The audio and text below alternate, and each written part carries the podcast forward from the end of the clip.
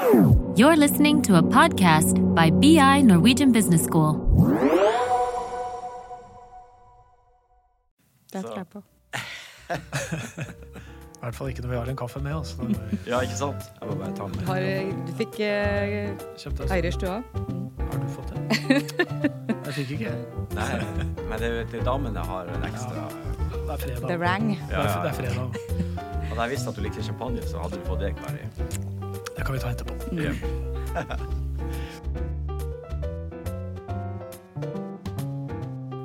Hei sann. Dagens tema har eh, overskriften eh, 'Smertefri digitalisering av eh, kundeprosesser'. Norske virksomheter er pålagt å benytte digitale økonomisystemer. Men det er ikke krav om at man må benytte eh, digitale systemer for å ivareta kundeprosessene.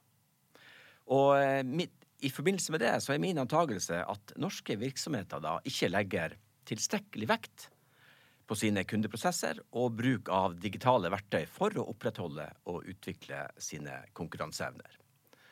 Og det er da Roy Elvegård som eh, er da leder for dagens eh, tema, og i studio så har jeg med meg to eksperter på akkurat dette med smertestillende tiltak når det gjelder digitalisering av eh, kundeprosesser. Og det er da Simon eh, Flo og Kari Oppdal. Skal vi begynne med deg, Kari. Velkommen. Du jobber da for et firma som heter Stretch eh, Skal jeg prøve å si det riktig? Stretch Engaged. Nettopp. Og eh, du har da den spennende tittelen som eh, co-pilot. Eller co-pilot, Ja. Yes. som det heter på, på engelsk. Og seniorkonsulent. Stemmer. Eh, kan ikke du si litt om Stretch Engage, og hva din rolle er som co-pilot og seniorkonsulent? Jo da, det kan jeg gjøre. Stretch Engage, vi engasjerer kundene våre. Eh, Vi hjelper dem til å bli engasj eller engasjere sin kundemasse, eh, jobbe med kundeorientering. Og vi bruker da, jobber med, med kundeplattformen Salesforce i hovedsak, fordi at det er den på, på markedet beste løsningen i dag. Men fokuset er jo egentlig ikke på system nå, hos oss. Det er på eh, å hjelpe kundene våre til å lykkes. Vi har et mantra vi i Stretch, som er et lite konsulentselskap, men veldig bra. Og det er at vi skal gjøre våre kunder til eksperter. Så våre kunder skal bli eksperter til å gjøre sine kunder de beste, mest fornøyde kundene. Ja. Så kort og godt, vi er et entreprenørselskap. Starta i Sverige for 20 år siden. Kom til Norge for 10 år siden, og ble nå utfusjonert som et eget selskap. Da. Eh, Og vi er alt, alt det dreier seg om folket. Menneskene i organisasjonen og menneskene vi jobber med. Så det er et ordentlig kundeorientert selskap. Fantastisk. Mhm. Vi har prata om det siden jeg tok min bachelor i uh, 1992, tror jeg. Nei, 2002. 2002. Men det er 20 år. 20 år med snakk om kundeorientering. ja. Og jeg kan med hånda på hjertet si at ingen har egentlig lykkes fullt ut enda. Og det må vi gjøre noe med. altså. De neste 20 årene så skal vi revolusjonere markedet. Det er spennende å høre. Mm. Skal vi høre med Simon om han, eh, hva han sier om det temaet? Eh, Simon, hjertelig velkommen. Du også, selvfølgelig. Du er da leder for noe som heter allianser og kanaler i, noe, i en av verdens største virksomheter innenfor CRM, som heter Salesforce. Eh, kan ikke du si, si litt om eh, hvem Salesforce er, og hva innebærer stillinga di eh, som alliansebygger og kanalspiller, regner jeg med? Ja, det gjør jeg gjerne, Roy. Ja. Skal vi ta den korte versjonen, eller den mellomlange, eller Ja. lange, eller sånn midt imellom? Ta en, den du føler for hvis Ja. Salesforce er en softwareleverandør, kan vi si. Et selskap som er etablert i 1999 i, i San Francisco. Salesforce, det var salgsstøtteverktøy for selgere. Nå har det blitt en del mer de siste 22 årene fra der vi begynte, da. Eh, Så vi må vel si at vi er den største i verden på CRM, eller på det vi kaller for Customer Engagement Platform, i mangel av gode norske ord. Eh, Det er en plattform som, eh, som kan brukes til alt man gjør når man har med en kunde å gjøre. Vi begynte med, med det som jeg sa, salgsstøtteverktøy, men dette omfavner jo nå så mye, mye mer. Eh, Støtteverktøy innenfor markedsføring, service, callsentre, e-commerce, e-handel osv. osv. Analyse, ikke minst. Eh, Vår forretningsmodell og vår go to market er litt forenklet sagt. Vi lager softwaren.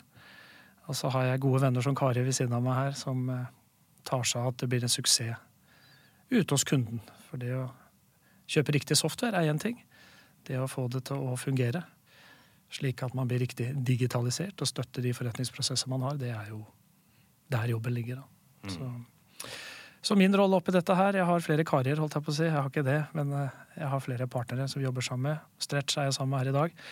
Ellers er det mange andre store, et tyvetalls eh, partnere kan vi si i Norge, som implementerer vår software, og ti relativt store som, eh, som jobber med dette her. Så det er, det er en voldsom utvikling innenfor det vi driver med. Dere var litt inne på det i åpningen, eh, dere to også.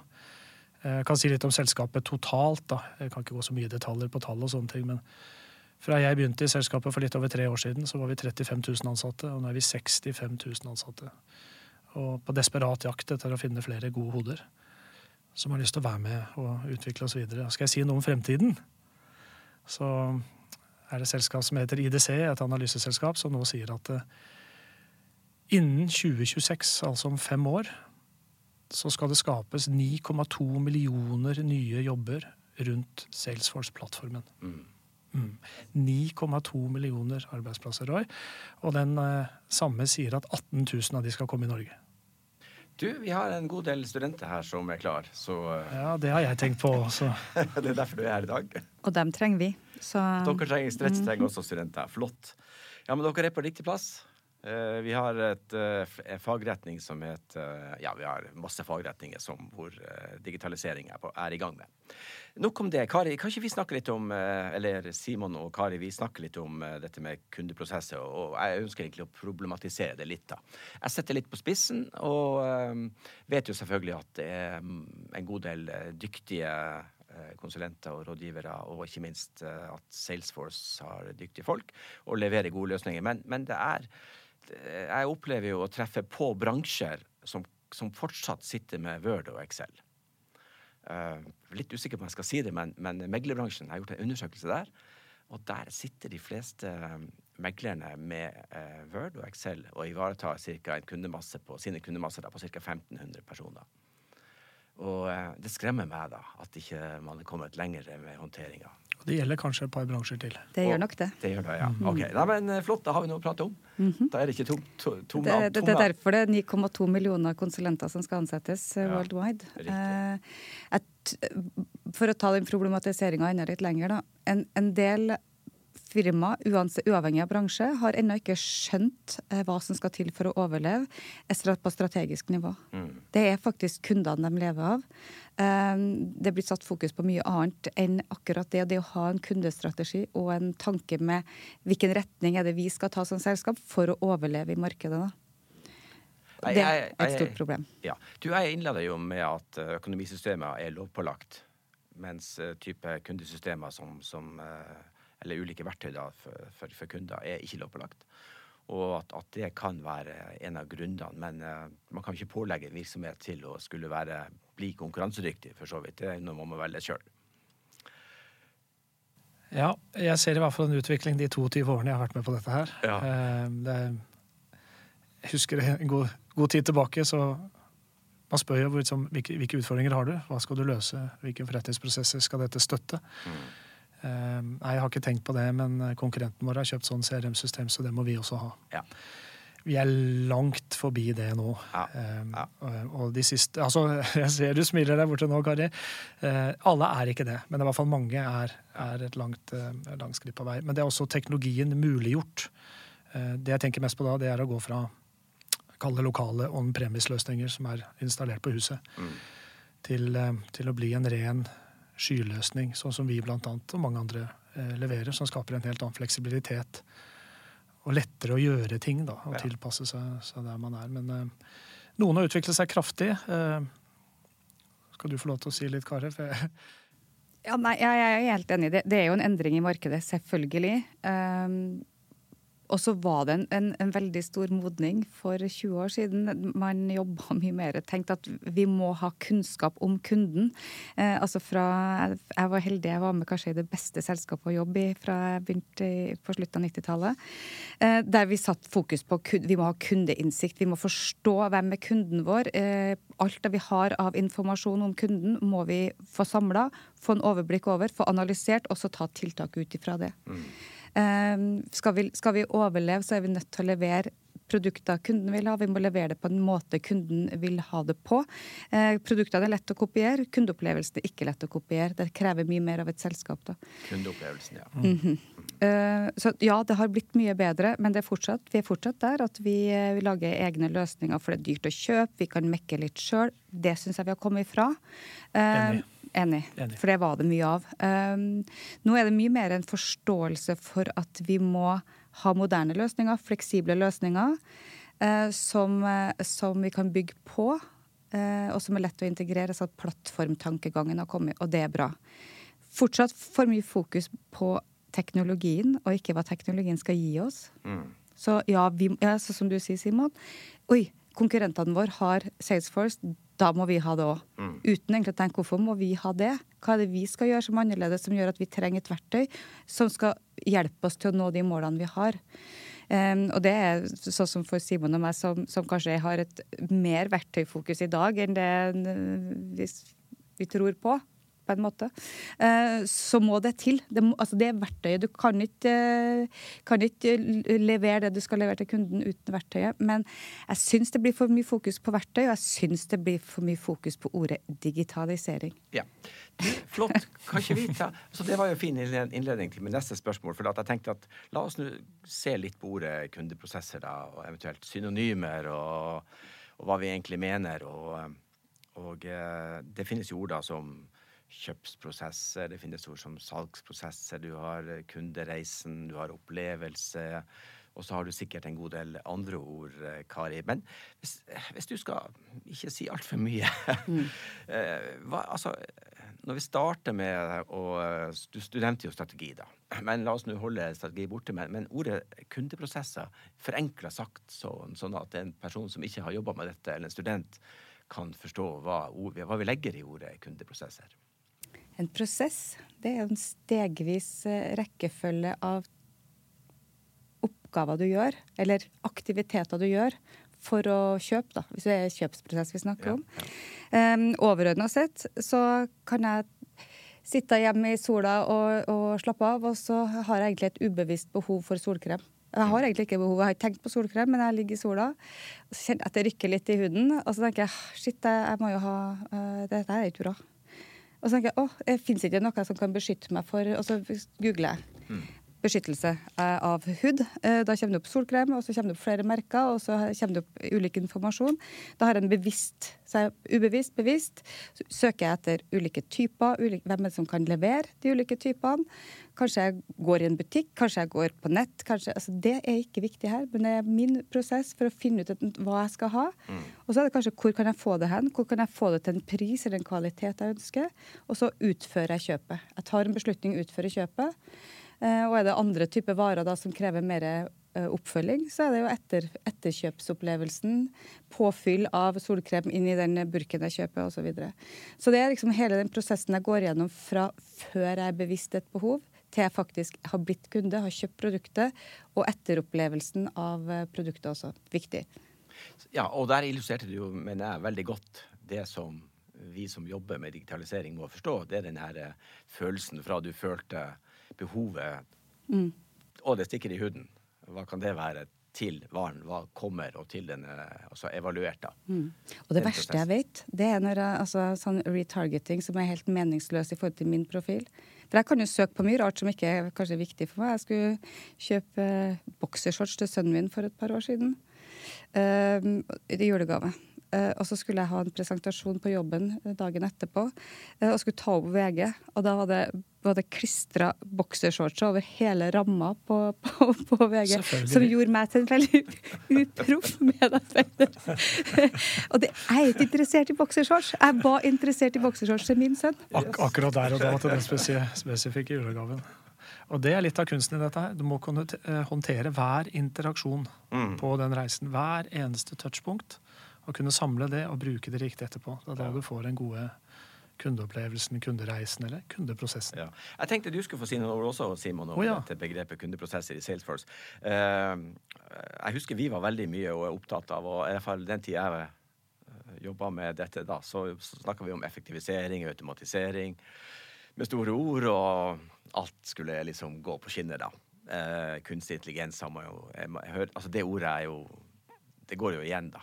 Men hva, hvilke ord, begreper benytter du når man snakker om kundeprosesser? Nei, Det var det jeg begynte litt på. da, men Ja. Det er alle disse touchpunkter som Ja, alle er der. ja. Alle de interaksjonene du har med Mm. hele veien. Ja. Og det å da kunne ha en prosess i din egen bedrift som støtter det, Mm. men også da teknologien. Og få våre gode partnere, i hvert fall i, i mitt ståsted, til å bruke det på, på, på en riktig måte. Og det er klart det er eh, Det er alt fra Salg er salg, og eksempelet du tok, Kari, men det er mye rundt dette her. med når man da skal drive marketing etterpå, som du sier, hva kommer opp rundt VG når du er inne og leser der? Jo, herreboksershortser, for du kjøpte det til din sønn. Eh, og kunne connecte dette inn mot e-handel og kanaler og analysere dataene i, i etterkant. Det er blitt en det er blitt et mye mer totalt bilde da, rundt dette enn det det var tidligere. Ja, altså Det er en slags eh, kirurgisk tilnærming til, eh, til kjøpsopplevelsen. Kan vi si noe sånt? Det kan man si. Ja. Det var ny for meg. Jeg likte det. Ja. Kirurgisk tilnærming, det bruker jeg mye. Og, og det her, vi kan bli bedre på finkirurgien framover. Fin Mm -hmm. Godt. Man, eh, man må vite hvor man skal. Ja, og da kommer det gode verktøy som skal til oss. Ikke minst strategier, da. Og gode tanker. Men du, vi, vi går videre. Uh, det som er et paradoks, syns jeg, da, det er at Norge er et av, da, et av Nor Norge er et av verdens rikeste land. Og eh, da skulle det jo være mulig at vi skulle kunne ha de beste forutsetningene for å være blant de dyktigste i verden til å eh, digitalisere kundeprosessene. Og spørsmålet er da generelt generelt er norske virksomheter dyktige til å ta i bruk teknologi som hjelper oss med kjøpsopplevelsene. Eller er vi for bortskjemt og har hatt det for godt? Ja, Rik og lat. Jeg. Jeg tror det er en god blanding der ute. Det... Vil du si noe, Kari? Jeg, jeg, jeg er faktisk ikke sikker. Vi var eh, veldig eh, langt fram for 20 år siden eh, i forhold til teknologi og teknologi, teknologisk eh, bruk. Eh, integrasjon, altså helhetlig system som gikk på tvers av bransjer, selskap osv. Um, men jeg jaggu meg ikke altså, det, det er en definisjonsspørsmål. Jeg vet ikke. Dette vet jeg virkelig ikke. Jeg har en opplevelse av at det er mange andre land som er flinkere til å bruke teknologi til å utføre mye aktiviteter, men jeg vet ikke om de lykkes like godt. Altså at det blir mye spam, da. Det har jeg en opplevelse av. Eh, og så tror jeg i Norge er det veldig stor forskjell. Veldig stor forskjell på ulike selskap nå. Det er en, et stort gap eh, mellom beste og dårligste. Og veldig store forskjeller innenfor industrier. I hvordan man tar det til bruk, og, og hvordan man gjør det. Jeg eh, er litt enig med deg, Kari. Eh, Jeg tror vi var gode før, og så er vi ikke fullt så gode nå. Men vi er ikke dårlige. Ja. Vi er ikke, ikke dårlige. Så er det forskjeller på, på, på tvers av bransjer. Vi begynner jo å bli et sånn noenlunde bra digitalisert eh, samfunn, hvis vi kan si det, på, på, på reise, eksempel, på banktjenester. Sliter vel fortsatt litt med noe silopreg eh, rundt omkring, men jeg syns mye begynner man å, man å, må ta fatt i. Det. Men man må se helheten. Eh, og de som endrer å se helheten, de greier å gjøre noe med det. Og vi har et lite stykke å gå. Vi har det. Vi er Mm. ikke best i klassen i Norge. Det, vi er ikke det. Nei. Skal, skal vi se litt på uh, hva virksomheter som skal investere i teknologi, bør uh, tenke på før man skal ta kontakt med Stretch eller Salesforce? Hva, hva, hva, slags hjemmelekser bør et firma, en virksomhet, gjøre før man, før man går i gang med å, å tenke investeringer? Hvis de ikke har gjort det, Kari, så er det jo det noe vi hjelper dem med. er det ikke det? Det gjør vi, vet du. Ja, og det de, skjer. de Ta- trenger hjelp til det? De trenger, ok. Ja, de, de må gjerne Altså, nei. Flere er, er i stand til å gjøre det sjøl, men det tar tid da, i en eh, hektisk hverdag. Men, men det er jo også hvor, hvor er vi på vei hen? Hvordan ser markedet vårt ut? Hvor, hvor ønsker vi å være? Du skal ta et strategisk valg, som vi sa. Skal vi være eh, ledende på produkt, pris, eh, kundeopplevelse? Du må ta noen tydelige valg. Eh, Hvordan ser markedet ut? Hvor er det et rom i markedet som vi kan fylle? Eh, Og så må du se for å komme dit, hva trenger vi? Eh, og da kan, Det er nok mange som kjøper teknologi som burde ha rydda litt i eget bed først. Ja. Og så gått og implementert en plattform som skal hjelpe dem å nå et mål. Um, så vi, vi hjelper gjerne med det òg, det gjør vi altså. Men, men det er en, en, et tydelig ambisjon og mål i selskapet. Ikke tro bare det at du skal ha en teknologi. Da løser verdens eh, seg. det verdensbildet seg. Det er ikke nok i det hele tatt, men veldig mange gjør det. altså. Jeg ser jo veldig ofte så får vi eh, oppdrag eh, hvor vi spør ja, hva er ambisjonen, hva er visjonen, hva er, hvor skal vi hen? Og da må vi ta tak i det. Og det er dyrt, da, for da har vi allerede blitt kjøpt som et konsulentselskap. Vi har kjøpt Salesforce, eh, lisenskostnaden går. Og så må du egentlig begynne parallelt å jobbe med hvor er det vi skal, hvilken retning skal vi gå. Så jeg anbefaler å gjøre en lite forarbeid først. Ja. Det har vel også litt med å gjøre at uh, mange har Altså det har gått veldig bra for veldig mange virksomheter i lang tid. Det har ikke vært nødvendig å, å, se på forretningsmodellen og strategien. Det har liksom på en måte rulla godt. Og så begynner det konkurransen å øke, og så kommer de uh, elementene som du da nevner, at uh, er det pris, er det produkt, er det logistikk? Er det andre plasser i forretningsmodellen man må gjøre ting? Og det er ikke sikkert at de har kompetanse på det. Så det, det, det er spennende. Eh, peker vi også på innkjøperkompetanse her? Eh, hva, hva er erfaring? Altså, jeg tenker På innkjøpere så er det jo ofte økonomiansvarlige som er med i gruppa, men, men i de store virksomhetene så er det jo profesjonelle ofte. Ja, dette, dette er et sammensatt bilde. Det er sammensatt bilde. Så har du skal du spise en elefant, så tar du ikke hele på en gang. Du må, du må dele opp. Mm. Vi ser noen store transformasjonsprosesser der ute. Vi ser også flere og flere prosesser som stykkes opp og deles, og hvor man går i gang der hvor man ser at man kan finne verdi raskt. Ikke sant? Tenke stort og begynne lite. Um, hvem er involvert, var det du spurte om, Roy, fra, fra organisasjonen. Og det er ofte mange stakeholders. Ikke sant? Og det er det organisasjonen må ha et bilde av. De må ha et overordnet bilde av hvor er de i dag hva er vi gode på? Hva er, hva er vi dårlige på? Hva må vi, hva må vi forbedre? Hvilke prosesser involverer det? Og igjen, hvilke mennesker er involvert i de prosessene? Og så er det litt sånn da om hvem som skal ta beslutning, om hvem som skal bruke penga, og hvem som gjør investeringene og sånn. Det, det, er en egen prosess for seg selv. Eh, men det er klart at man må ha forståelse av helheten, slik at dette her blir, blir riktig. Men eh, ja, innkjøp er involvert. Så spørs det hvem som skal ha løsninger, om det er salg eller marked eller servicesenter eller callsenter eller osv. Og her syns jeg vi har blitt bedre. Ja, jeg synes vi. vi. har blitt mye bedre. Tidligere så var det markedsavdelingen som skulle ha et markedssystem, salgsavdelingen som skulle ha et salgssystem, som da gikk til IT og fikk med seg innkjøp og, og eh, tok prosessen derfra. Nå er det et uh, enterprise, altså selskapsanliggende, men, men, det kan være litt uh, uavhengig av tid, da. Men, men man kjøper en plattform for å nå et mål. Kjøpe plattformen. Uh, og så og, helhetlig behov til å ta en helhetlig betraktning da, på investeringa. Det er bra. Det syns jeg er veldig bra. Og så begynner vi der. Du får mm. først verdi. Er det innenfor mm. markedsføringsavdelingen din, eller er det salgsavdelingen, er det e-handelen din, eller er det callsenteret, eller da begynner vi der. Mm. Så når du snakker om eh, verdi da, så er det verdiskaping i form av salg, eh, økte inntekter, sparte kostnader? Og alt det der. Bedre service, mm. kortere løsningstid på problemer osv. Mm. Lavthengende frukter. Eller smartness. Altså rett og slett at eh, vi trenger å ha et helhetlig kundebilde først eh, som er knytta opp mot enten salg eller service. Veldig ofte begynner det der. Du må ha kundedata på plass. Det er dumt å begynne med markedsføring uten å ha informasjon om kunden. Så det er litt noen, noen sånne tommelfingerregler er det jo. Ja. Dette leder meg inn på neste spørsmål, som har med organisasjons... Uh, hvordan vi organiserer oss i virksomheten, hvordan forretningsmodellen ser ut da. Og det som er kjent uh, utfordring, som vi snakker en del om her på Base, eh, som vi var så vidt var innom her i sted, det var dette med siloer. Og eh, tradisjonelt så er vi jo da vi eh, organisert da her i norske virksomheter med avdelinger som i mindre grad samarbeider med hverandre. Jeg har sjøl erfart det, ikke bare én plass, men de fleste plasser. Og dette kan da medføre utfordringer når man skal ivareta da kundeprosessen, spesielt da når man skal digitalisere. Fordi at det medfører jo endringer for hele organisasjonen, ofte. Så ja. Eh, hvordan kan man da klare å få til gode digitale kundeprosesser i siloorganiserte virksomheter? Er det mulig? Eller må man fjerne siloene? Og er det mulig? Nå ble det stille, Kari. Ja. Jo, men, jeg, har jo, svar, jeg har et svar på ja. lager. Altså. Okay.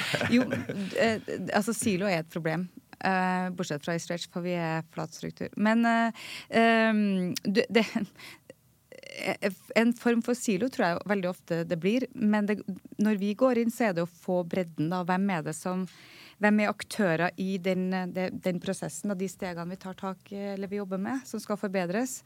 Um, og jobbe med det. En annen viktig ting er jo uh, altså, Så det er viktig å rive ned siloen der. altså Se på prosess. Få folk, uh, ulike fagfelt som er aktører i prosessen, til å forstå helhet. Uh, og Det er alfa og omega å vite at det jeg gjør her, har den virkningen lenger ned i kjeden. Eller tidligere i kjeden. Hvorfor får jeg det jeg får? Dette er viktig. Um, det vi også jobber mye med, er endringsledelse.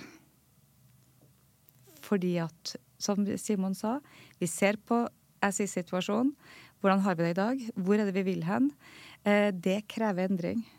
Det er ikke alle endringer som skjer ved at du blir nødt til å sitte på hjemmekontor i ett år. Når du har en pandemi, så må du bare ta, ta en endring over deg. Det er vanskelig å gå. Kan jeg få lov å komme inn med et eksempel? ja, gjør det. Jeg måtte slutte å drikke melk. Det var en kjempeendring, og det var smertefullt. Mm. Det er vanskelig. Jeg hadde en kollega som skulle bytte, som skulle bygge seg likt ut. Hver etasje bygd opp helt likt. Eh, vår, vår um, avdeling, eh, ikke min avdeling, naboavdelinga, skulle flytte fra fjerde etasje til andre etasje. Akkurat samme sted. Det var stor motstand, for at du måtte gå bare én trapp og ikke tre trapper opp til kontorplassen. Så endring er vondt, og du kan le av det. bare tenke, Er det mulig? Men det er faktisk sånn det er. Så det må tas på alvor. Du må forstå helheten, du må se helhetsbildet. Og så må du se din plass i det, og så må du eh, gjentagende ganger blir gjort oppmerksom på hvorfor, hvordan. Eh, trene, trene, øve, øve, kommunisere. Eh, for å få dette her på plass. Altså. Det, og det, de, de gangene det ikke blir tatt tak i, man tenker nei, vi trenger bare en, en time opplæring, da går det feil. Her, dette her er like viktig som eh, altså implementering av et system er enkelt. Det å endre hodet til folk, det er vanskelig. Jeg er veldig veldig enig, Kari. Det er, uh, kjøpe software er lett, men du må kjøpe riktig det. Da må du gjøre litt, en litt bedre jobb. Men det er klart det er change management å få folk til å bruke det. Det er det som er, det er, det som er utfordringen. Jeg tør å påstå, Roy, uh, spørsmålet ditt med, med siloer og kan man ta dem ned, eller får man tatt dem bort, eller Det vi gjør, Kari, det vi gjør sammen, er jo å enable riktig teknologi for at de siloene blir mindre eller blir borte. Fordi man på tvers av lines of business i organisasjonen jobber på samme plattform. Det betyr at du i salg kan se hva du gjør på marketing, og du samarbeider i samme verktøy.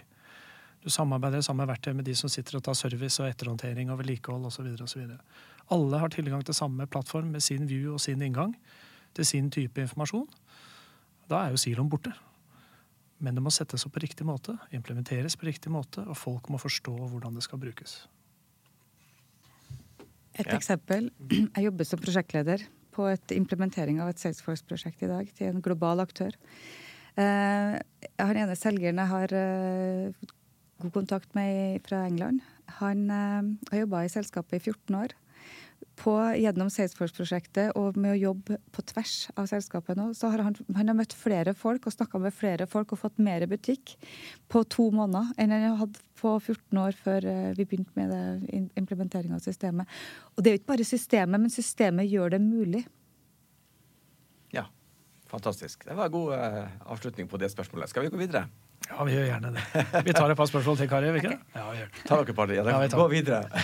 du, du, vet det at uh, USA har J-Lo, vi har Cyflow. den har jeg ikke hørt før. Og den skal jeg bruke igjen. det er veldig bra.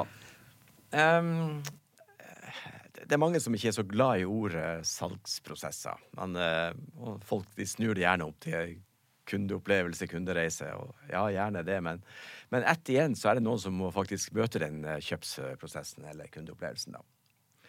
Og eh, man må faktisk ha, sette opp noen aktiviteter da, eh, som, eh, som man må gjøre i, for å følge opp kundene. da, og jeg tenker på da Altså, risikofylte prosjekter de følges jo opp i en prosess da, fra A til Å. Altså fra dette med å finne kunder.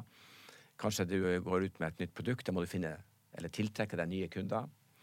Uh, også neste fase, fase nummer to, da, er da det som jeg kaller da for verdiskapingsprosess. da. Altså, du må bevise verdien av produktet som du ønsker å formidle. Eller du kan si at du konkurrerer da på et marked med kjente produkter, og så kan du si at ok, her er det vinn eller forsvinn. Det kan også være en måte å tenke på. Og så har du da nummer tre, kategori tre, som bare forenkla sagt er mersalg, kryssalg, eh, eventuelt. da. Disse tre hovedkategoriene uh, ivaretas i dag av uh, spesielt nettbutikker da, av ulike kompetansefelter. Og uh, det jeg lurer litt på her, det er da på I dag, ivaretar man dette helautomatisk? Er det, kan, er det mulig å gjøre det helautomatisk? Er det gode prosesser for å gjøre dette på en, på en sømløs måte i dag, f.eks.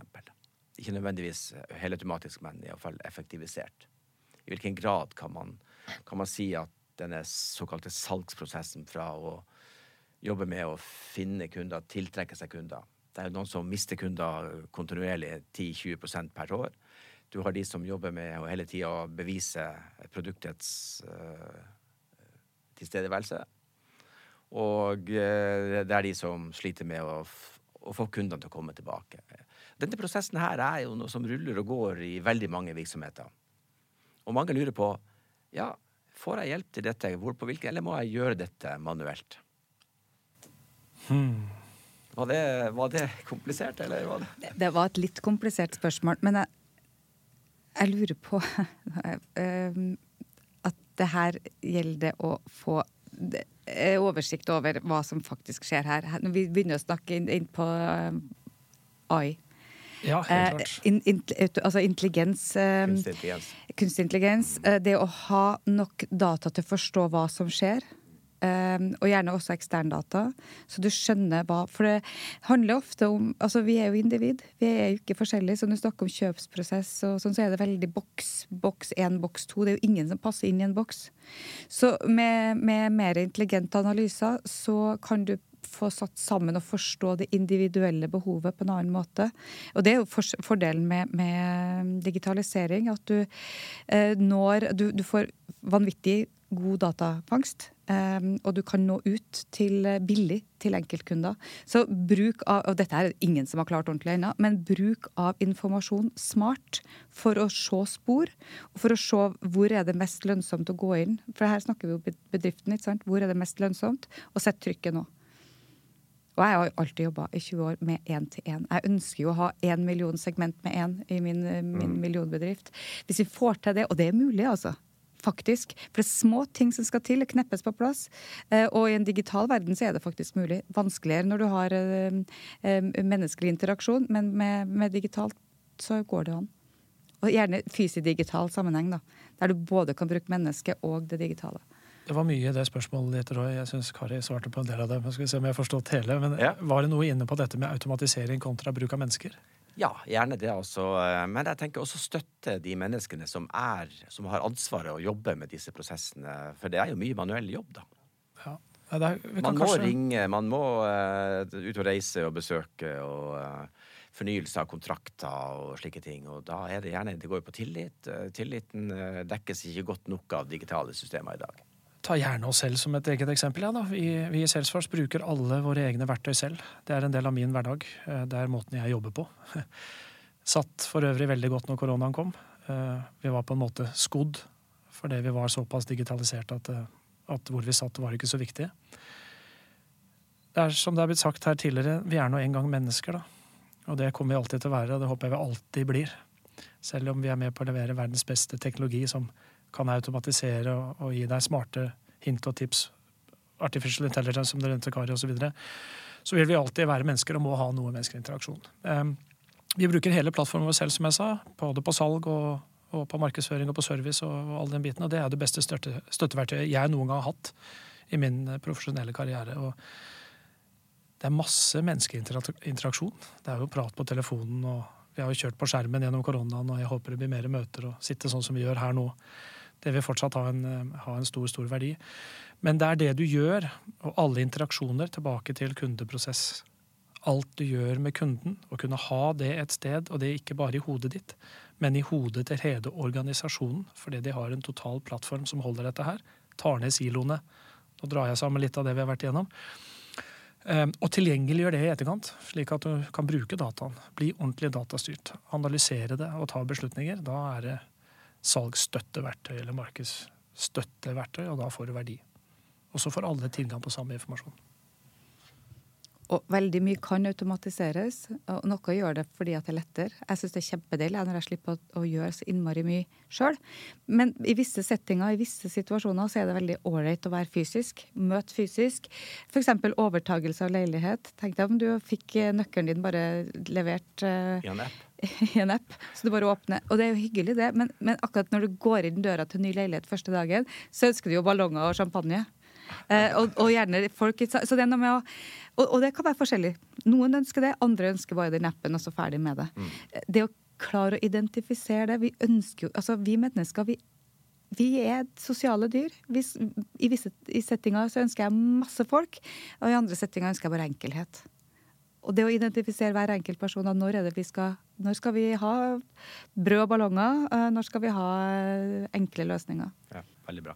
Eh, jeg, tok jo, ja. jeg tok et eksempel. Jeg kom inn her før vi satte oss bak mikrofonen her. Eh, akkurat fått på PC-en en, eh, en, rapport fra Gartner, min tidligere arbeidsgiver, som drar fram en del punkter om hvordan digitalisering vil ta form da, de, i, i 2022 automatisering, altså digitalisering slash hyperautomatisering, er en av de største områdene.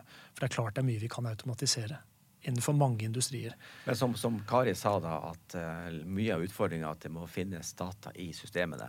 Og det er, hele... er spørsmålet hvem skaffer dataene? Ja, det er liksom ikke bare å skrive en setning uh, og en undersøkelse. Hvor mange er det som svarer på disse undersøkelsene? Ikke gjør jeg det. Gjør du det?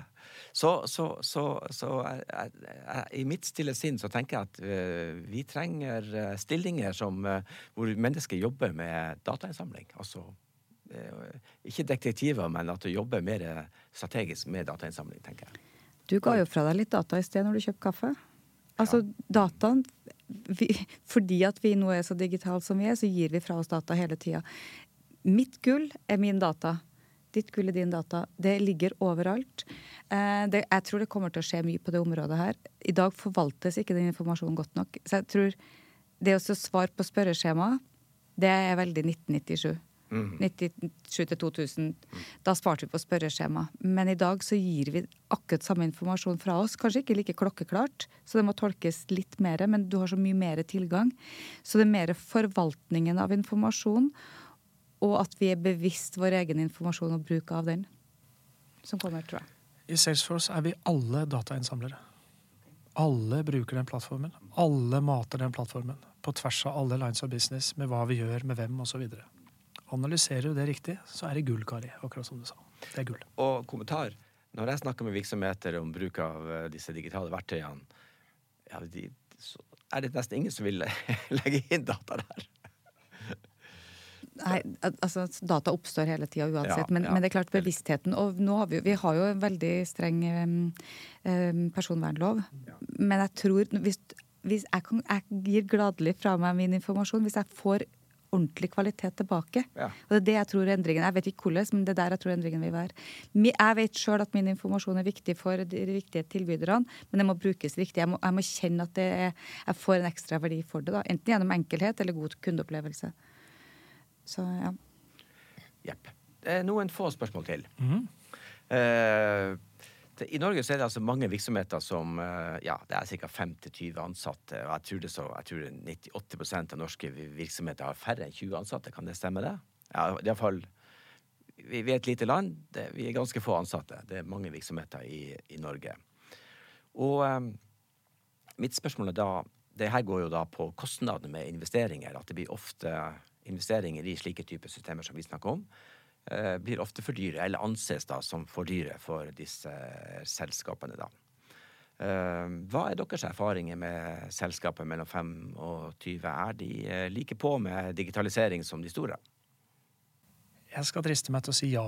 Her er også forskjeller rundt omkring i industrier og, og, og sånne ting, men generelt så svarer jeg ja. Um,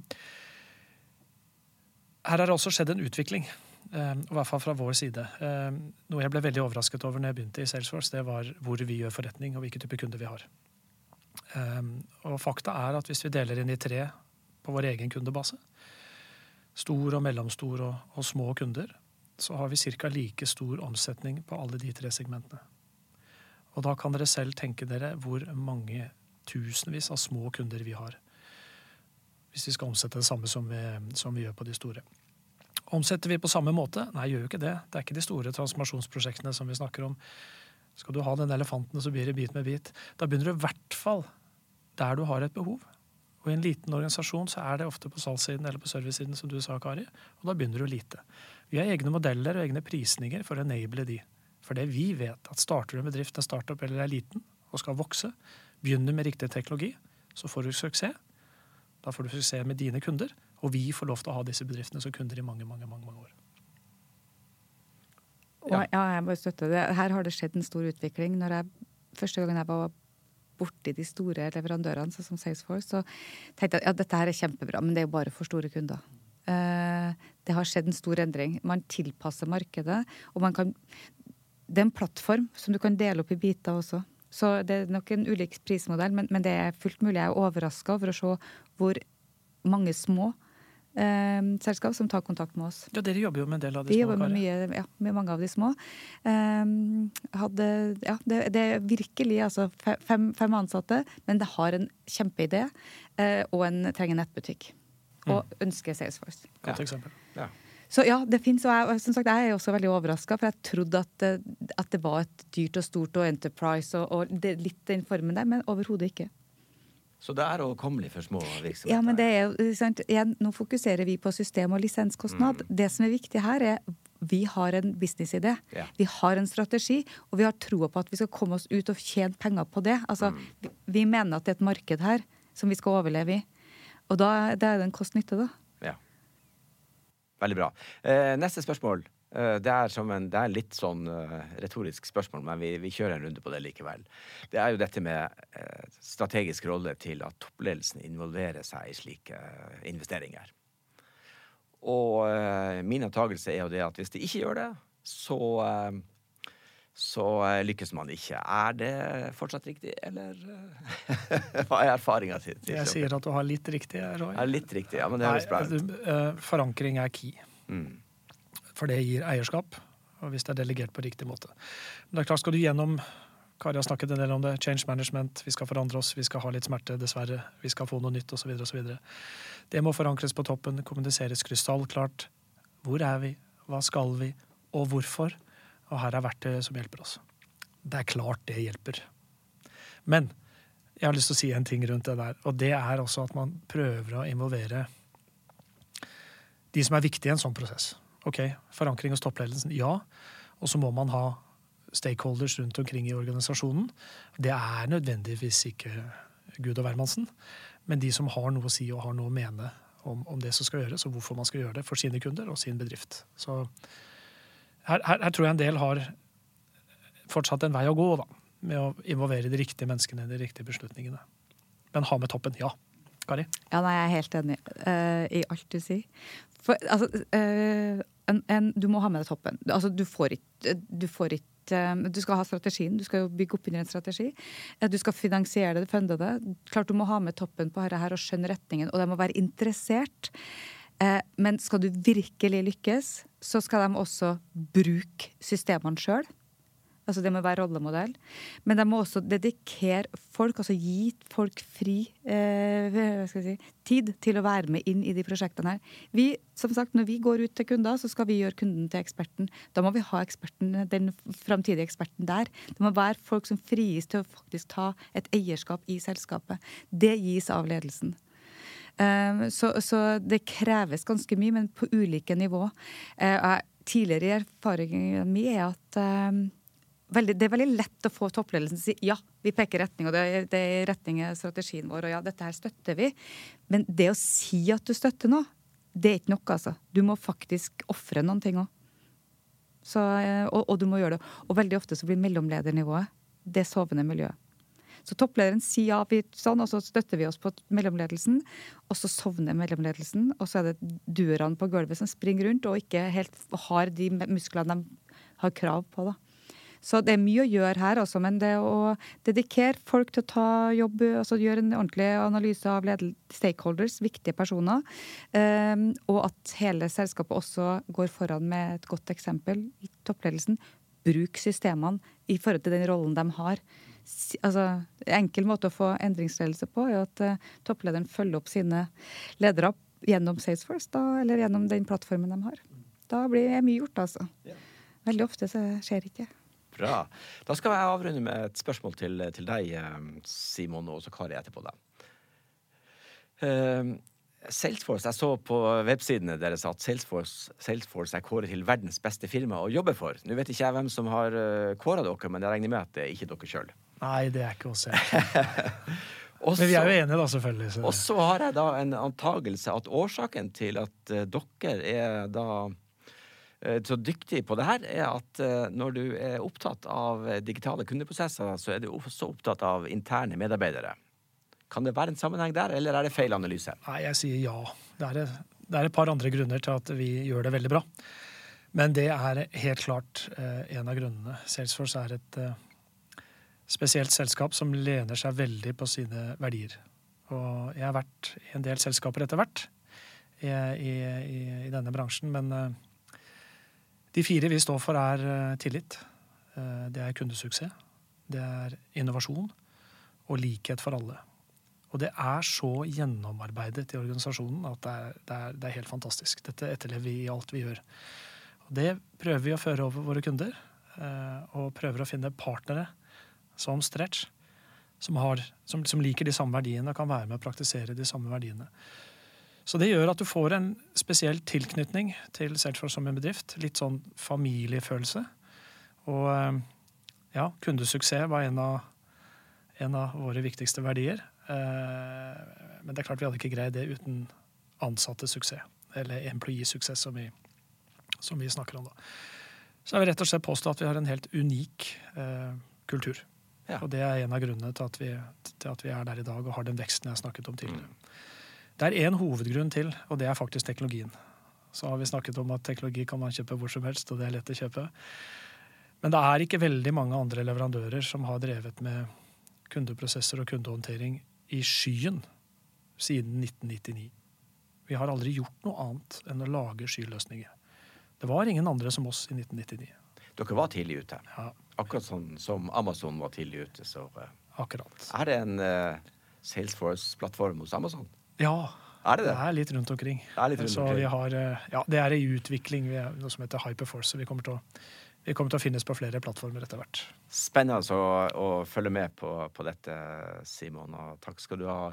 Kari, jeg tenkte du skulle få lov til å si noen ord om eh, kunde, kunder og eh, kjøpsopplevelser. Er det det eh, vi må spesialisere oss på mer og mer, og forstå selve prosessene? Liksom, litt sånn Hva sa jeg i sted? Kirurgisk inngrep, omtrent. Ja, jeg tror at skal, vi skal det. Jeg tror vi skal Eh, vi skal ikke være så opptatt av system og kanal. Og, altså, hvor skal vi levere veldig mye snakk om sosiale mediekanaler, at vi skal nå kundene gjennom det. Eh, og retargeting og masse sånn bøss som kommer. Det er viktig, det er ikke det, altså. Men tenk kunde. Ut. Vi er forskjellige, vi som kunder. Uh, tenk på deg sjøl. Hva, hva, vil du ha? Jeg er opptatt av to ting. Det er kundeopplevelsen. Jeg, hvis jeg først går i en butikk, og skal kjøpe, da skal jeg jaggu ha en god opplevelse. Hvis ikke så kan jeg sitte på, på nettet hjem. Um, og, og, og få den kulturen, leveransekulturen. Salesforce er rå på det. det er intern trening der. Kundesuksess er viktig for dere. Uh, de jobber hele tida med å, å fremstå uh, og gi sine kunder og partnere, altså som vi er, en god kundeopplevelse. Den formen for arbeid internt i organisasjonene tror jeg kommer til å bli mer og mer av. Eh, vi må eh, ta markedet på en helt annen måte. Og så er det enkelhet. Ting må være enkelt. Det er også hvorfor Salesforce gjør det så bra. Eh, Løsninga er enkel. Det, det, er ikke hokus pokus, det er ikke rocket science eh. Altså. Men det må være enkelt og forståelig og enkelt å ta i bruk. Endringsledelse. Så mye på uh, Vi er jo mennesker, vi er sosiale dyr, og vi har følelser. Spill på følelsene, ikke på logikken. Kari, jeg føler at den smerta med digitalisering, den letta litt. Uh, hva med deg? Ja, jeg har det fint her. Jeg sitter i stolen. Det ingen smerter? Koselig å prate med dere. og koselig å få sånne Er det noen grunn for at kundene egentlig skal ha noe sånn uh, smerte ved digitaliseringen av sine kundeprosesser? Nei, altså Vi har alle oppfatninger av hvor vi skal og hva vi skal gjøre. Og da er det lett å tenke at mm, ja, dette kan kanskje være vanskelig. og det er, det er en jobb som skal gjøres. Det er jo klart det er en jobb som skal gjøres. Ja, ja. Og det må man stålsette seg, være bevisst. Og igjen tilbake til hvor er vi, og hvor skal vi? Ja. Og hvis ikke du digitaliserer deg selv, så er det kanskje noen andre som digitaliserer akkurat det du holder på med, og da er du ferdig. Ja. Så man kan ikke late som ingenting. Det går fort nå, altså. Ja. altså det er jo en teknologi, teknologisk utfordring. Eh, eller utvikling i markedet eh, som er helt rå. Eh, eh, en morsom ting jeg har hørt nå, eh, det er at eh, man har jo en, en eh, produktmodenhet. Eh, Så teknologi, altså måten vi adopterer teknologi på, det tar jo gjerne noen år. Du har sånne som er kjapt på, og så har du den modenhetskurven. Det er jo dere som BI-folk veldig gode på. Under pandemien så har vi adoptert teknologi tre ganger så fort på det siste halvannet året enn det som var tenkt. Sånn at mye av de verktøyene vi har tatt i bruk i det siste, det var tenkt å ta i bruk om ti år. det er ganske fascinerende. Men det betyr jo at ting kommer til å gå enda fortere videre framover. Så vi er nødt til å sette oss frampå i stolen og være med. Ja, Vi var inne på noen tall om hva vår plattform skal skape arbeidsplasser i sted. Og det er mange andre aktører ute også som skal skape disse arbeidsplassene, så her er det en utfordring. Ja. Vi har fin folk. Det trengs kompetanse og menneske, og, og kanskje vi skal være mer på BI, Kari, du og jeg, framover. Men det skal dere få, helt klart. Vi holder på hele tiden. Tusen takk for at dere ville komme, Kari fra Stretch Engage. Takk for invitasjonen. Pilot. Yes. Co-pilot. Yes, co-pilot. Jeg ser for meg du som privatfly og litt sånt. Ja, det er helt rått.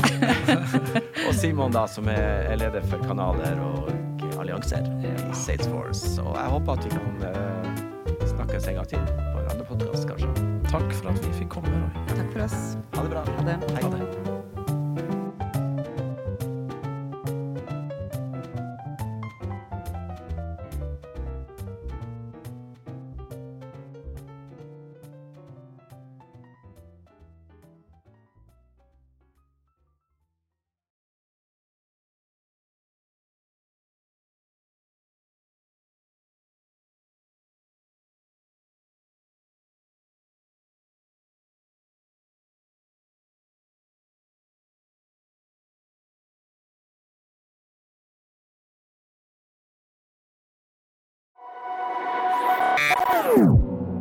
Is a BI production. Listen to more podcasts. Go to bi.no slash podcasts.